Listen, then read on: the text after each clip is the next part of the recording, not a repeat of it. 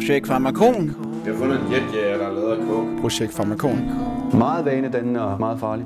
Så, så kunne folk jo få ideen, at, at det ikke er farligt at tage stoffer, eller sådan, og det er bare sådan, i hvilken verden? Brugerforeningen for Aktive Stofbrugere præsenterer Projekt Farmakon. Nej, men I vil jo bare sådan, øh, bare godkende stoffer og blåstemple det, og bare sige til god fest til folk, og, eller I vil bare have nogle gode stoffer til jer selv. I dag skal vi snakke om stoftest. Det er meget farligt ikke at teste stoffer. Folk de går op i deres stoffer, og de bliver pisse sure, hvis de bliver snydt. Vi har snakket med to Små stoftestningsdværge. fra foreningen Stoftest. Kemikeren Kim Gosmer og foreningsformanden Sune Kelet. Er det sådan noget med, at jeg lige skal starte med en kort introduktion? Eller eller? Ja. Ja. Det skal vi. Ja. Goddag, mit navn er Sune Kelet, og jeg er formand i foreningen Stoftest. Ja.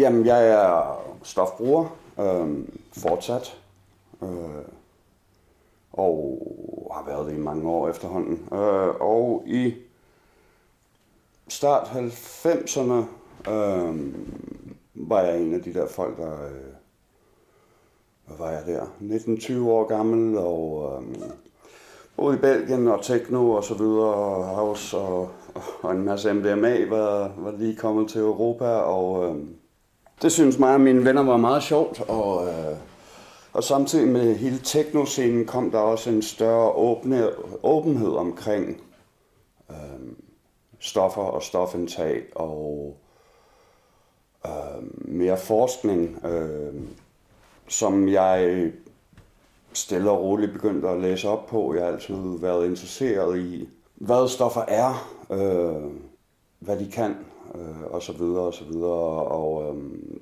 fordi de har været ulovlige, har der altid været en, en, en stor mystik omkring, hvad er det egentlig, og så videre, hvilket jo kun gjorde det endnu mere spændende for folk som mig. Øhm, jeg flyttede til London omkring 94, og der begyndte jeg, der, der havde jeg virkelig adgang til meget mere information i form af blade og bøger og ting og sager. Altså, man skal lige huske her, 94, jo, internettet begynder at tage form, men altså, det, der var ikke nogen, der havde en internetforbindelse derhjemme endnu. Altså, jeg tog flittigt på netcaféer og sådan noget, men, øh, men jeg havde i hvert fald adgang til meget mere information, og øh, kan huske, at i England på det tidspunkt var der blandt andet en hjemmeside, der begyndte at offentliggøre tester øh, af MDMA-piller, øh, og samtidig var der i Holland også Dance Safe, eller Safe Dance organisationen, som begyndte at tage ud til festivaler og natklubber og nattelivet generelt og teste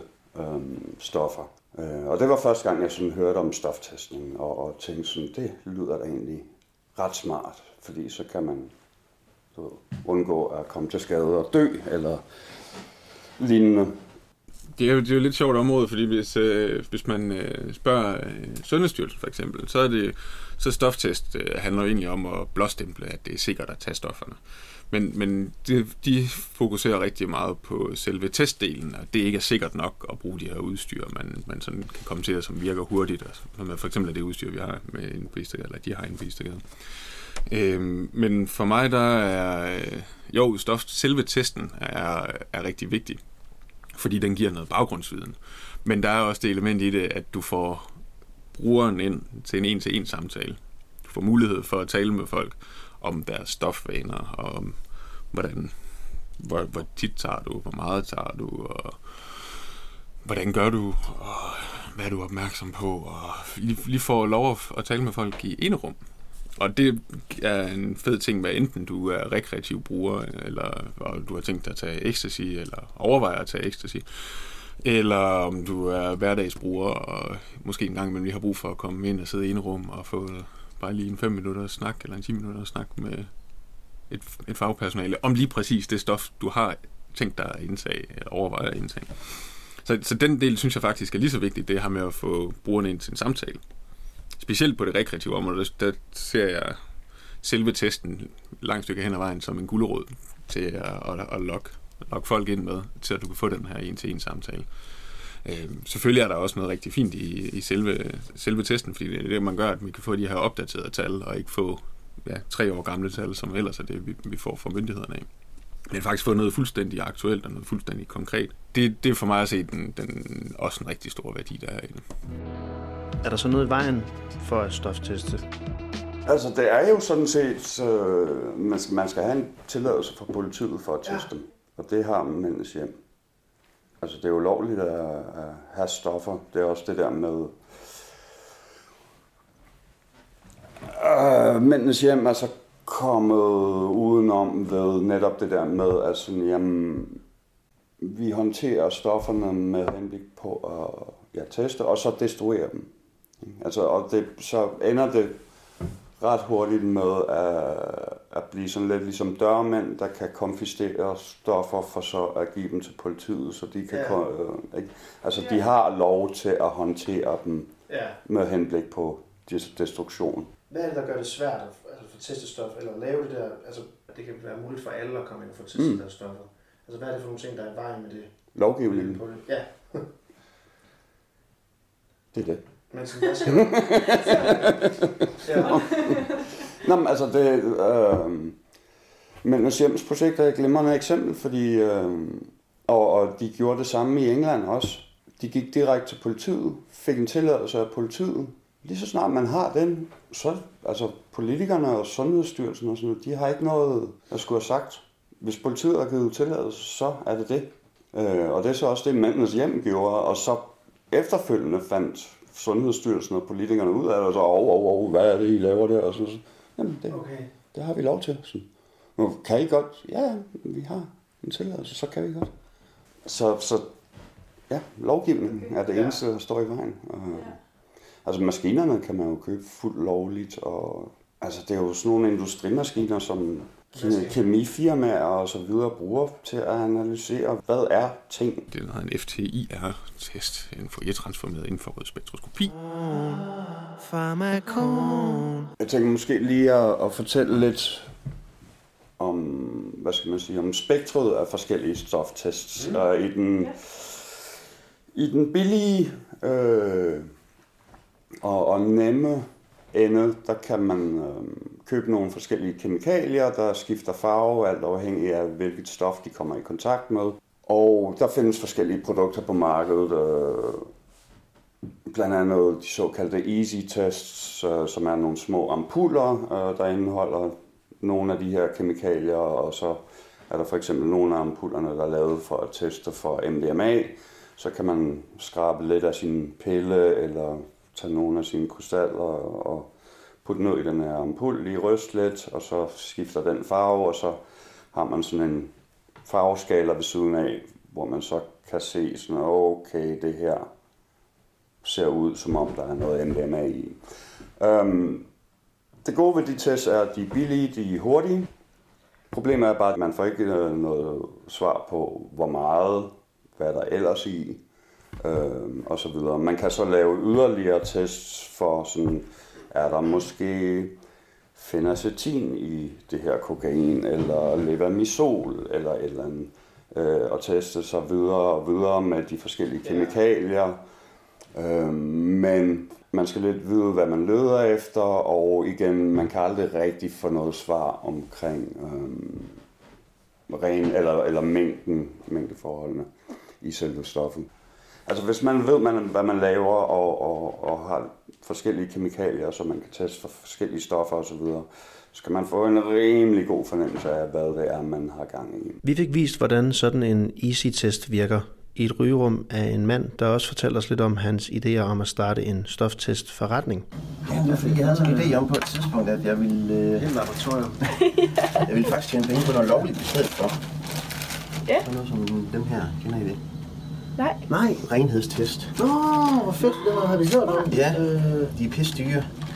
Og jeg ville pisse gerne kunne lave en eller anden måde, hvor det kunne være billigt, sådan at folk ja, har mulighed for at teste deres stoffer på en Ja. måde, hvor de har råd det til er det. sindssygt god idé, mand. Så det er sådan en kit, du købte der for 500 kroner eller sådan noget? For fem- Ja, 400 for fem. Ja, ja. Okay. Øh, på internettet simpelthen. Men er det det, der gør sådan noget med at vise altså en farve, så... Og så Ja, der har du kun lige fem Ja, farver, ja. hvor det sådan går fra lav til stærk. Lav, medium, normal, lidt stærk og meget stærk. Og jeg vil sige, selv dem, der er meget stærke, de er faktisk de er ikke sådan 100% eller noget. De er bare okay. De er faktisk pisse besværlige, fordi du skal bruge 20 mg kokain for at lave en prøve. Ja. Ja. Og hvis ikke du har sådan en som den her, så kan du ikke måle 20 mg. Og den koster 600, den billigste model af den der. Den er fin diamantvægt. Fordi 20 mg, det er utroligt lidt. Jeg ved ikke, om vi kan veje 20 Okay, mg ja. op på en eller anden måde. Øh, hvad er det, du bruger? Ja. Skal vi prøve at se, om vi kan måle 20 mg. Sølvpapiret alene vejer 100 et eller andet. Mm. Den stopper ved 0,8. Den skal bruge dobbelt så meget af det her. Okay, ja. Og det er besværligt. Men også, det, det skal være meget præcist på i dag, så eller hvad? Ja, fordi hvis du nu øh, vejer 0,30, så er den lige pludselig meget stærkere. Ja. Ja. Og hvis du vejer 0,10, så er den lige pludselig meget lavere. Ja. Og det der, det kan den næsten ikke registrere, at jeg putter lidt på. Så skal jeg nemlig tage det hele af igen. Det er fordi vægten, den er meget. Åh, ja, Ja. klart. Så hvis først jeg har vejet 0,20 af, så skal jeg faktisk tage det af igen, og så prøve igen. Okay. Og så blive ved, indtil at den stopper ved 0,20, når jeg putter det hele på på én gang. Ja. For der var jeg lige oppe på 0,19. Så det er møg besværligt for Ja. almindelige folk at lave sådan en test. Ja. Ja. Øh, det var det, jeg godt gad på en eller anden måde, at kunne lave et eller andet smart noget.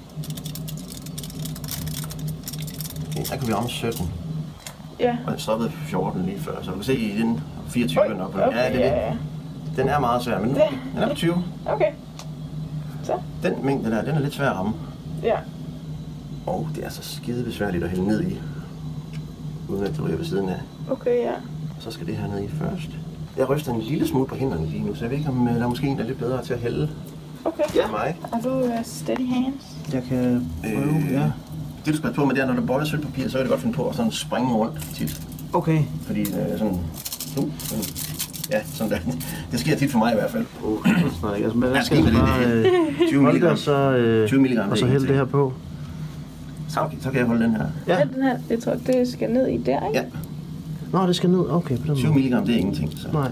du behøver ikke være bange for prisen. Okay. Det er mere resultatet, vi gerne vil have rigtigt selvfølgelig. Her henover, fordi hvis, hvis der så er noget i, så... Sådan der. Og vi fik næsten det hele.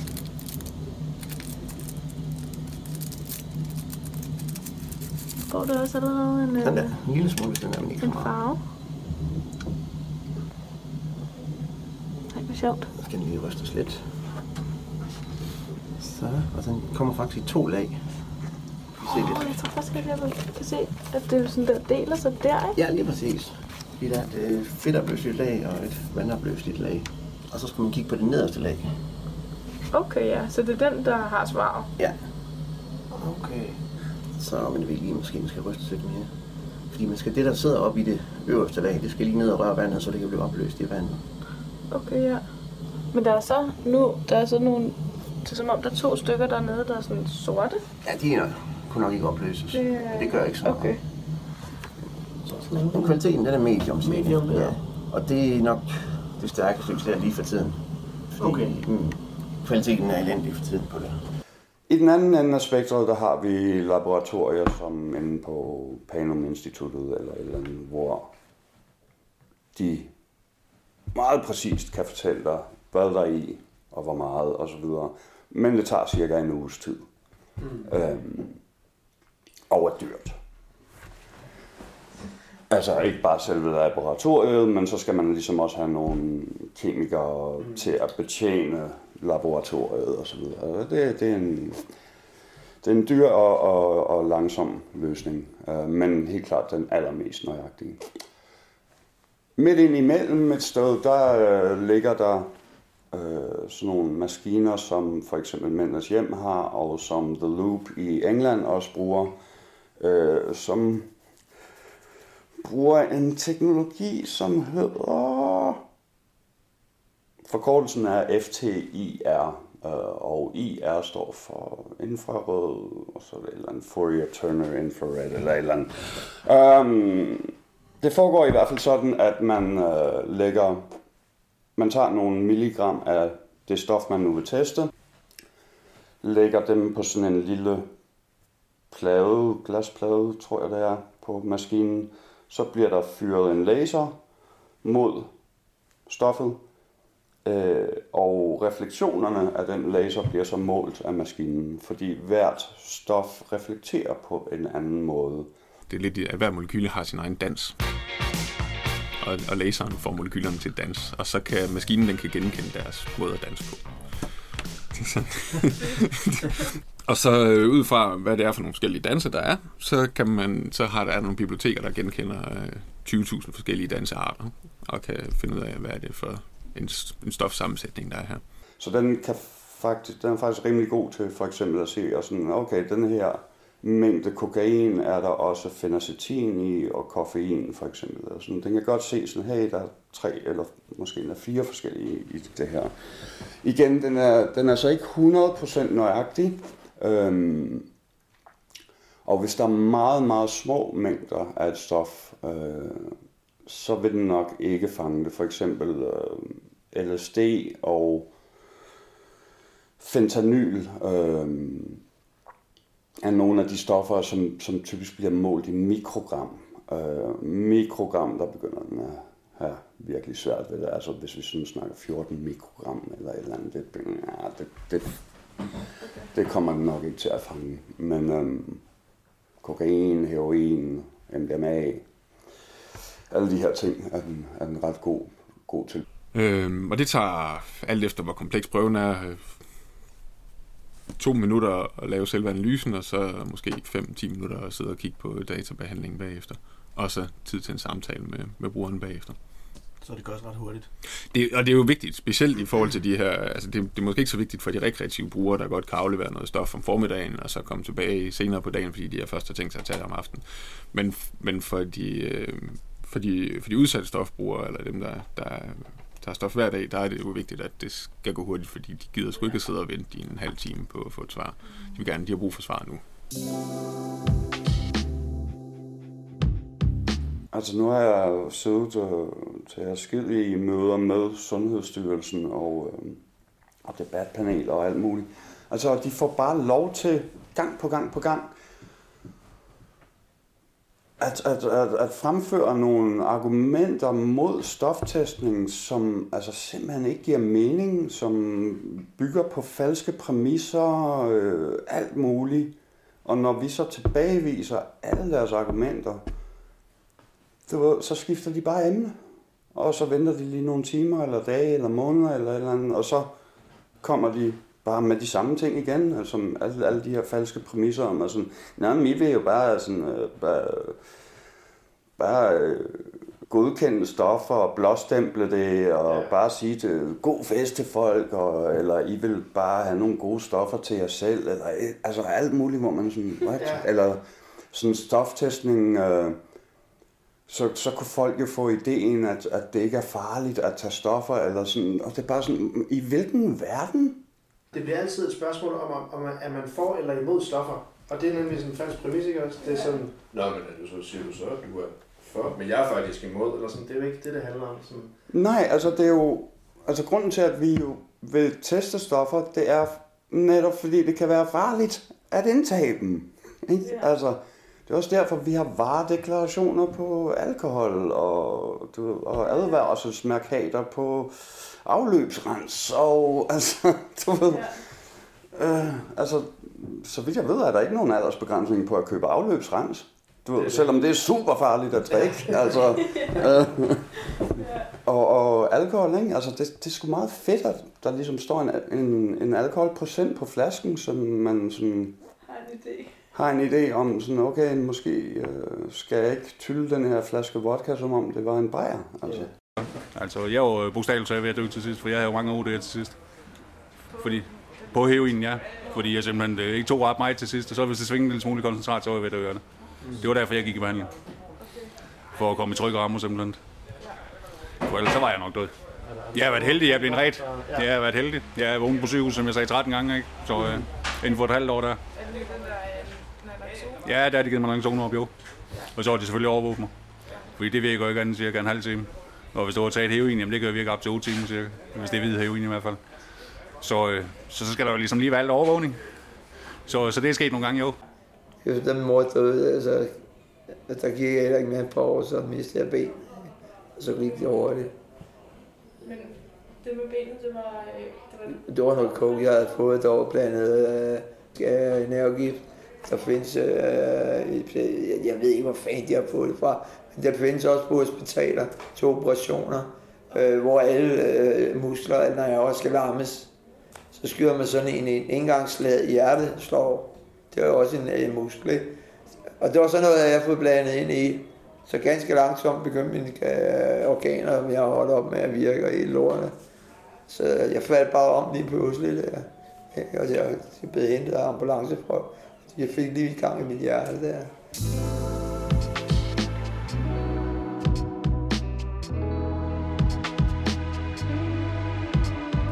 Du snakkede tidligere om skadesreduktionsparadoxet. Ja, altså det, det er jo... øh, Det er jo lidt et, øh, et term, jeg selv har fundet på, fordi jeg egentlig synes, det rammer, det rammer egentlig meget godt. Altså skadesreduktionsparadox er jo egentlig det her med, at, at stoffer er forbudte, fordi de er farlige. Og, og, og derfor kan vi ikke gøre noget, fordi vi kan ikke gøre noget for, at stofferne bliver mindre farlige. For eksempel at lave stoftest, eller at lave en regulær oplysningskampagne, eller hjælpe folk med, hvordan de tager stofferne ordentligt. Fordi så gør vi stofferne mindre farlige. Og så ryger argumentet for, at de er forbudte. Mm. Og så fjerner man sit eget argument for, hvorfor er stofferne egentlig forbudte, så kunne vi lige så godt legalisere dem. Hvis nu stofferne egentlig ikke var, var farligere end at køre på mountainbike eller tage ud og stå på snowboard, hvilket jo også er nogle ret farlige og i bund og grund unødvendige øh, sportsgrene eller fritidsaktiviteter. Ikke? Ridning for eksempel, det er jo også fuldstændig vanvittigt, at man sætter sig op på en hest og kun med en hjelm på. Jamen, altså, hvis man ser på ulykkesstatistikkerne, så er det jo Mm. dumt at sætte sig op på en hest, eller være i nærheden af en hest. Det er dumt at tage ud og sejle, det er dumt at stå på ski, det er dumt at køre op på mountainbike i skoven. Øhm, og hvis nu stofbrug ikke var mere risikabelt end de der fritidsaktiviteter, øhm, så er der jo egentlig ikke rigtig noget argument for at holde det forbudt. Og det er jo lidt en af de hvad skal man sige, problemer, der er ved, øh, ved at lave, lave stoftest, det er, at du faktisk kan, du siger problemer, men det er i virkeligheden det, der er effekten af det, det er, at du kan minimere risikoen for, at folk de kommer galt afsted ved at lave stoftest. Ved at vejlede dem, og ved at give dem en klar oplysning om, hvad er det, du sidder med. Og derudover også ved en gang imellem at kunne være heldig at filtrere nogle prøver fra, som er noget helt andet, end det folk, de har købt det som. Og det er der eksempler på fra, fra nogle af de udenlandske stoftest, hvor man har kørt det på festivaler, blandt andet i England, hvor folk har fået solgt stof som MDMA, hvor det så viste sig, at det var en, en anden syntetisk stimulans med dobbelt potens og øh, en varighed op til et døgn. Det vil sige, hvis du Mm. indtog din... Og så er det ikke helt så euforiserende som MDMA, altså det aktive stof i ecstasy. Det vil sige, hvis du tager, på det første, hvis du tager den dosis, du regner med, du tager 100 mg af det, du regner med, det var MDMA, så har du allerede sådan en dobbelt dosis af et stof, der var et døgn i stedet for 6-8 timer. Derudover så virker stoffet så ikke helt så euforiserende. Øh, Sådan, øh, du bliver ikke nær så glad af det, som du bliver MDMA, så du tror måske, at dit stof det ikke er så rent. Og så tager du mere. Ja. Og så har du en rigtig uheldig spiral, ikke? hvor du ikke får sovet i et døgn, minimum i et døgn. Ikke? Mm. Og så er det, du får de her risiko for psykoser og ja, akut hjerteproblemer. Ikke? Ja. Så, så hvis man kan, bare en gang, og dem er der eksempler på, at der er blevet filtreret nogle af de her prøver fra på, på store festivaler i udlandet, ikke? Så vil jeg våge at påstå, så har du faktisk reddet liv. Øhm, Øh, ja. Så jeg ved ikke, hvis jeg skal spørge sådan helt dumt. Hvorfor er det så, at vi... Eller hvorfor er det så, at stofferne er forbudt? Eller, altså, øh, Jamen, det- det er er jo- det virkelig ikke farligt at tage stoffer end at ride på en hest? Jo, det er det jo. Øh, Det, det er jo farligt at tage stoffer. Eller det kan det i hvert fald være.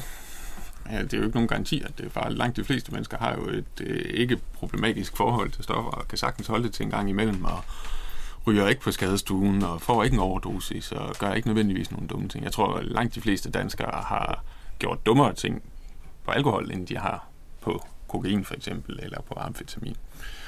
Og jeg tror, der er rigtig mange flere, der døjer med tømmermænd om mandagen, end øh, folk, der dømmer. Altså, jeg, jeg tror, alkohol er, er mindst lige så skadeligt samfundsmæssigt, og også for et enkelt individ, end, end mange af stofferne er. Hvis og så frem selvfølgelig, at de bliver brugt på en ordentlig måde. Øhm, og det vil sige, at man ikke tager hovedet under armen, fordi det kan jo være risikabelt. Og vi ser også en rigtig stor stigning i antallet af skadestuehenvendelser, for eksempel relateret til kokain. Og det hænger helt sikkert sammen med, for det første, at der er mere kokain, men også, at renheden er højere. og at folk de ikke kan finde ud af at, at, at tage stoffet på en ordentlig måde. Så, så den risiko er der jo. Så, så det er jo ikke ufarligt at tage stoffer. Men, så derfor skal man også tænke sig om, ligesom man også tager sin hjelm på og spænder sin sikkerhedssele og sikrer, at faldskærmen er pakket ordentligt. Og alle de der, altså, de giver god mening, ikke? At du har en VHF-radio, hvis du skal ud og sejle, og alle briller på, når du skyder raketter af. Præcis den samme øh, mentalitet vil jeg gerne have, den var der med stofferne. Og lige nu der er problemet, at du ikke kan få offentlig, du kan ikke få rigtig vejledning nogle steder fra. Du kan ikke få at vide, sådan her bør du gøre det. Det kan du faktisk i, i, i for eksempel i England.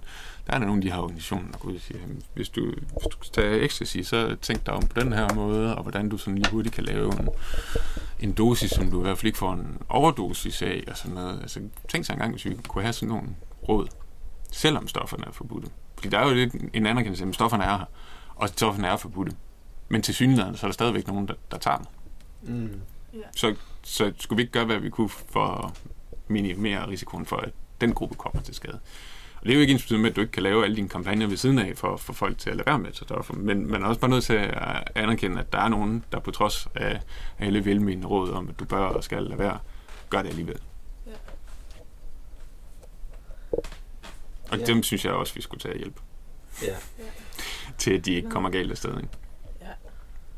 Men det er også lidt, eller er lidt sammen med det paradoks, du snakker om, at når, når stoffer er ulovlige, så kan man ikke man kan ikke sige noget om sådan objektivt om, at øh, om de har de her, de her farlige ting, men det, det har de her, de her ting, der kan være, ja, det er bare en opkvikkende eller stimulerende effekt. Det bliver i hvert fald meget nemt til en, en snak om bivirkninger, og ikke så meget en snak om virkninger. Nej. Fordi det, det bliver lidt med den der løftede pegefinger, eller det formanen, jamen det er jo også farligt, så, så du kan jo blive psykotisk af det, og du kan få en overdosis. Jamen du glemmer, altså hvorfor gør folk det så? Hvis det, hvis det er det, der du oplever, hvorfor, hvorfor gør folk det så overhovedet? Ja. Det er jo fordi, det også er rart, eller fedt, eller sjovt, eller bevidsthedsudvidende, eller whatever reason folk de nu gør det for. Ikke? At, at den effekt er der jo også, og den skal vi et eller andet sted også turde tale om. Øh, også fra lidt mere officiel side af, fordi det bliver bare ensidigt, og jeg, jeg tror specielt unge mennesker kan jo sagtens se igennem det kan sagtens se igennem og sige, men det kan da godt være, at myndigheden står og siger, at jeg skal lade være med at gøre det, men jeg kan da se, at øh, mine andre venner, der gør det, de har, det er en skide, tur, skide sjov tur i byen, ikke? Ja. og de hygger sig helt vildt, og de har da de har ikke noget, umiddelbart en dårlig oplevelse i, i byen, så hvorfor skulle jeg lade være? Men det kan jo godt være, at de skulle lade være, fordi de måske har noget i bagagen, øh, som gør, at de er mere udsatte i forhold til at og inde i et problematisk stofbrug, eller at dem der, mm. eller at deres venner faktisk er ude i et problematisk stofbrug. Det kan man jo ikke altid se på folk. Så, men det der med at kunne komme ind og få en ærlig snak med et, et voksen, kvalificeret menneske, som ikke sidder med en løftet pegefinger, det, ja. altså, det kan jeg simpelthen ikke se, hvorfor vi ikke kan gøre det som samfund. Men vi fandt jo også lynhurtigt ud af, at, at vi kan aldrig, aldrig, aldrig, aldrig nogensinde anbefale nogen at tage nogle stoffer. Tværtimod, vi vil altid i løbet af samtalen, hvis ikke som noget af det første, at sige sådan, altså vi vil ikke, altså hvis det stod til os, så, så skulle du ikke tage de der stoffer. Fordi endda hvis vi ved præcis, hvad der er i, og det er helt rene stoffer osv., så, videre, og så, videre, så ved vi ikke, hvordan den enkelte, enkelte krop, den enkelte krop vil reagere, eller sind vil reagere på de her stoffer. Så, så vi, vil, vi kan, altså du ved, altså hvis vi skal være ærlige, og det har vi jo tænkt os at gøre, så kan vi aldrig nogensinde anbefale nogen at tage nogle stoffer. Men til gengæld er vi også realistiske, og hvis folk har gjort sig det besvær øh, og brugt penge på at købe nogle stoffer på det sorte marked, så er det højst sandsynligt, fordi de har tænkt sig at tage dem. Øh, og hvis de så tager dem, så kan vi i hvert fald give dem nogle råd og nogle tips til, hvordan de forhåbentlig kan undgå at komme til skade, eller i værste fald dø. Du kommer ikke ind og får en, en, en lovprisning af stoffer, hvis du kommer ind til en stoftest-samtale, for eksempel. Du får faktisk alt den ærlige information at vide. Du får alt det her at vide med bivirkninger og ting, som jeg mærke. Men er du godt klar over, at hvis du tager ecstasy, så kan du gå hen og blive deprimeret i ugen efter, og er godt klar over, at det kan ødelægge din søvn, og godt, alle de her ting, ikke? Sådan, og du kan opleve tømmermænd dagen efter, og sådan noget, hvis ikke du passer på dig selv. På et eller andet plan, så bliver øh, for os i hvert fald, øh, altså selve resultaterne af stoftesten er egentlig en, en, en, en gulderod til at få brugerne ind øh, og have en samtale med dem omkring stoffer og deres personlige stofbrug. Øhm, hvis man vil have testet sine stoffer, så skal man også indvilge i en samtale omkring resultaterne og stoffer og stofbrug generelt. Og det er den samtale, der for os er alfa og omega. Fordi det er der, vi kan fortælle folk, at øh, hvis de har tænkt sig at tage det her stof, hvor høj en dosis har de tænkt sig, og så kan vi sige, det her er de mere eller mindre sikre eller anbefalede doseringer af det her stof i forhold til kropsvægt og, og så videre. Og at, du ved, hvad, tager du, hvad har, du, har du tænkt dig at tage andre stoffer i løbet af natten eller et eller andet? Okay, det der er en rigtig farlig kombination. Um, det er heller ikke en god idé at blande det med alkohol, eller hvad det nu er. Og hey, og, og, og når man nu alligevel er i gang med den samtale, så kan man også bare indlede en, en samtale om deres stofbrug generelt, og måske sådan snakke om sådan, hey, altså, ja okay, altså drikker du hver dag, eller sådan, og er det nu også en god idé? Har du overvejet måske at søge behandling, eller et eller andet? Altså, så man behøver, det behøver ikke at være nødvendigvis at redde liv. Det er selvfølgelig den ypperste, ikke? Men der er altså også en, en lang... Øh, en lang vej op til dødsfaldet, hvor der er nogle situationer, man også rigtig godt kunne tænke sig at undgå. En, der for eksempel har taget et øh, gram, helt gram MDMA over en hel aften. Altså ikke på én gang, men stadigvæk gået, fordi han var vant til at tage kokain, og så skulle han prøve MDMA. Så tænkte, det var lidt på samme måde, at man lige går og tager nogle streger en gang imellem, og, sådan, og det er ikke den måde, man tager MDMA på, mm. hvis det skal være hensigtsmæssigt og mindst risikabelt. Så han var, han var endt med at fuldstændig at miste bevidstheden, og skide i bukserne, og pisse i sine bukser, og miste sin telefon, og ødelægge sine briller, og, ved. og det kunne jo også være meget fedt at undgå det. Den samme type samtale skulle man gerne kunne have med sine forældre, eller øh, omkring euforiserende stoffer. Super, I tager over der, og nu ryger I kun pot, ikke noget med has. Og hvis I skal spise de der svampe, så skal I lige sørge for, at øh, der er nogle af de andre, der har prøvet det før, som tager hånd om det eventuelt, at der er en, der er upåvirket i tilfælde, at der skal ske et eller andet. Kan I hygge jer? En anden ting, der også er, at man lige skal holde tungen lige i munden i forhold til det der med stoftest, fordi der er jo også, nu har jeg lige snakket med en journalist her for nylig, som også ringede med ham noget med noget stoftest, men det er jo så de her urintest i stedet for. Og de, mm. hvor man, altså man kan købe ned på apoteket, og fandt man nærmest i netto også. Altså, og, og det er jeg ekstremt store modstander af det, det, det der med, altså, det bliver det der kontrolsamfundet, og det, jeg kunne godt tænke mig for eksempel, at vi som, som forældre eller som voksne og sådan noget, kunne have tillid til samtaler, og at der ikke kommer eller det her kontrolelement ind, at du skal lige aflægge en ren urinprøve, inden, øh, mm. sådan der, eller når du kommer hjem, du var i byen i går, jeg skal lige en tår pis fra en... Øh, Ja, ja, ja. Øhm, både fordi der er en risiko for det, der hedder falsk positiv, altså at det, den giver et positivt svar, selvom der faktisk ikke er noget. Og så står du måske ikke i postkassen, hvis du som ung står og siger, far, jeg er sgu ikke, jeg armer halvtryk, jeg har sgu ikke gjort det. Og den giver alligevel positivt udslag. Det kan jeg jo se, testen lyver ikke. Jamen, det, det kan den faktisk godt. Men dernæst også bare, at man skal lade være med, man skal gerne kunne have en ærlig snak med sine børn og unge om ja. stofferne i stedet for. Jeg kunne godt tænke mig, at man kunne lave på Roskilde eller på en eller anden festival, på et eller andet tidspunkt, hvor man laver det her stoftest setup og også stille en vægt til rådighed det, du, der er en vægt herinde, du kan gå ind og, og bruge den, og så er der gelatinekapsler, du kan bare af i. Fordi det er også et andet problem ved forbuddet, for eksempel, at folk står inde på et diskotek, og, eller et eller andet sted, står på en festival, og de skal lige være lidt hemmelige omkring det. Så bliver det hurtigt til sådan, ah, vi stikker bare lige sugerøret ned i posen, eller yeah. vi tager bare lige en krystal hver, og så spiser vi den. I stedet for lige at tænke over, jamen, hvor meget er det faktisk? Så bliver det, at det skal gå hurtigere, fordi det skal være skjult, en parameter, der faktisk gør det farligt det kunne jeg godt tænke mig at komme, i mødekomme på en eller anden vis. For eksempel sådan en som MDMA er jo en, en klassiker, at folk ikke, fordi det er jo også blevet enormt populært, både MDMA og ecstasy. Og, og en af de store problemer er jo, at vi har sindssygt stærke ecstasy-tabletter. Jeg tror, at gennemsnitsrenheden ligger på 150 mg. Det er altså en solid dosis. Hvis de så er blevet så sindssygt meget stærkere, end de var for år tilbage, og folk, de, det er nogle år siden, de har taget nogle, eller de får nogle tips og tricks. Ah, men du skal bare starte med Speak 3, ellers virker det ikke ordentligt. Og så, så er det, du har problemerne. Ikke? Og plus, at det er tabletter uden delkær, og de er helt vildt hårde nu, så det er svære at knuse, de er svære at dele. Og så er der en helt høj dosis i. Plus at MDMA, som i ren form, altså krystaller, de er også blevet populære. De er rigtig svære at øh, vurdere, hvor, hvor stor en dosis er. Yeah. For eksempel er der nogen sådan en krystal, der siger, det er cirka det, jeg plejer at spise. fordi det så hurtigt kan blive en overdosis. Der kører englænderne med sådan en kampagne, der hedder Crush, Dab and Wait. Knus det til pulver. Ja. Og så dab det med en, øh, en våd lillefinger ned, spidsen af en våd lillefinger ned i, og så tag det, og så skal du vente minimum en time. Du kan ikke have et halvt gram pulver siddende på din lillefinger. Altså, du skal ikke rulle din våde lillefinger rundt i det, det er klart. Men det der med lige at slikke på det, sæt ned i, og så har du cirka det, der svarer til 100 mg. Og det er der ikke nogen, der dør i. Da jeg sådan begyndte at sætte mig ind i hele den her stoftestningsting, gik det også bare op for mig sådan, jamen jeg, altså, jeg tror, jeg har taget relativt meget MDMA i mit liv, men jeg aner det ikke. Jeg aner ikke, om det var MDMA.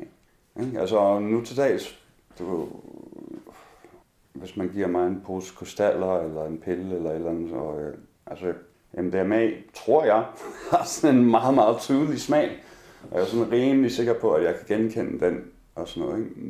Men jeg har jo aldrig fået noget af det testet, så jeg aner faktisk ikke, om, øh, om noget af det har været MDMA, eller om det har været MDE, eller MDA, eller en af de andre, andre varianter. Øhm, altså jeg er rimelig sikker på, at, at det meste har været MDMA. Jeg er også helt sikker på, at jeg har fået nogle andre ting, men altså der, der er bare nogle af dem, hvor man sådan, det der, den der smag og den her følelse kan jeg genkende.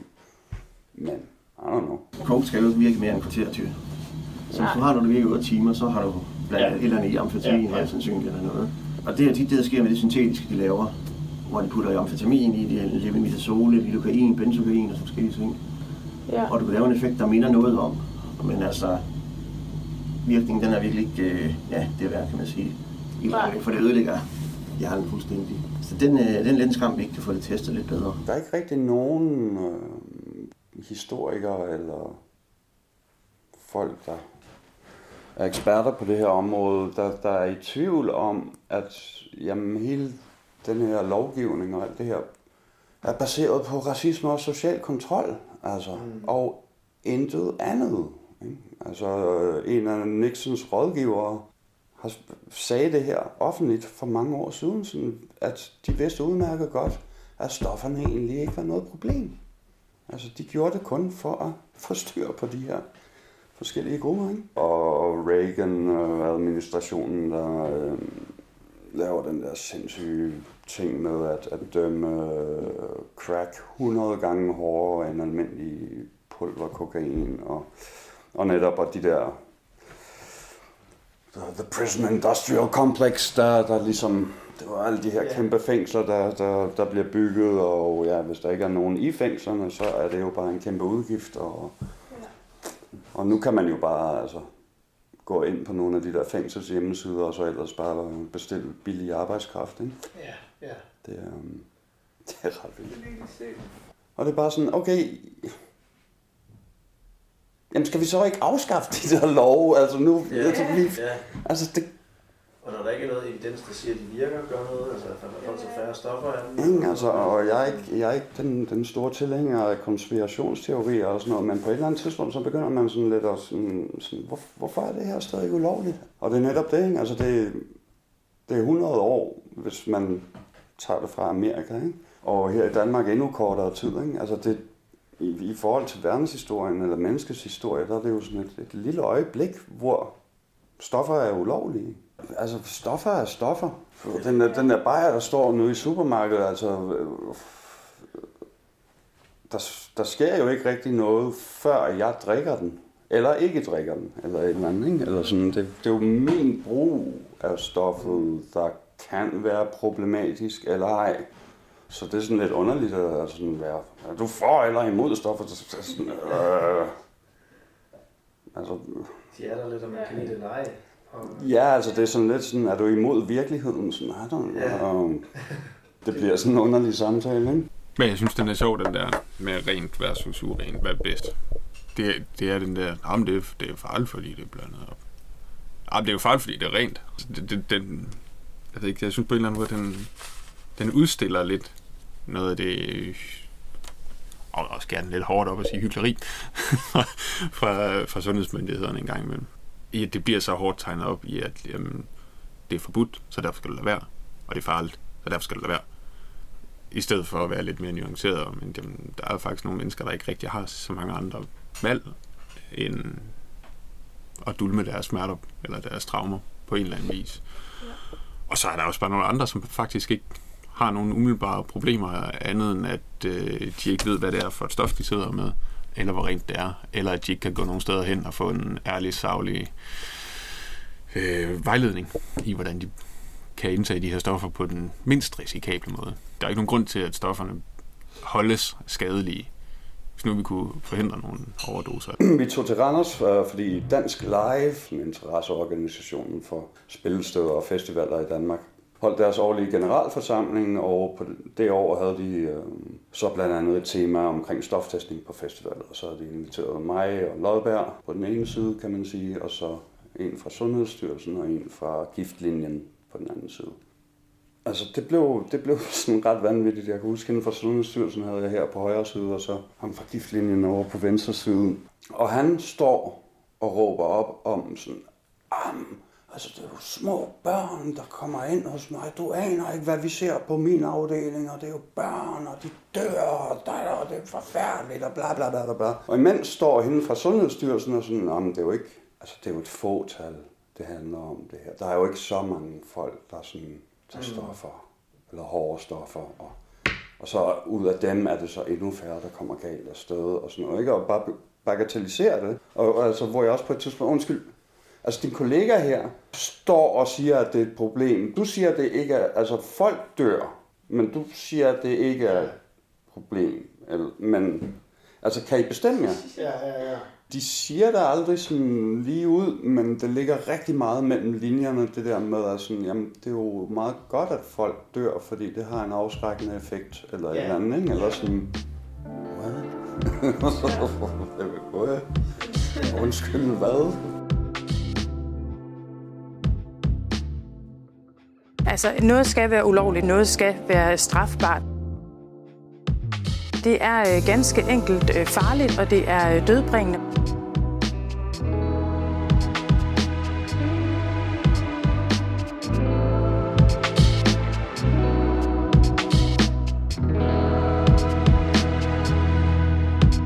Mens vi venter på en øh, fornuftig legalisering af alle stoffer.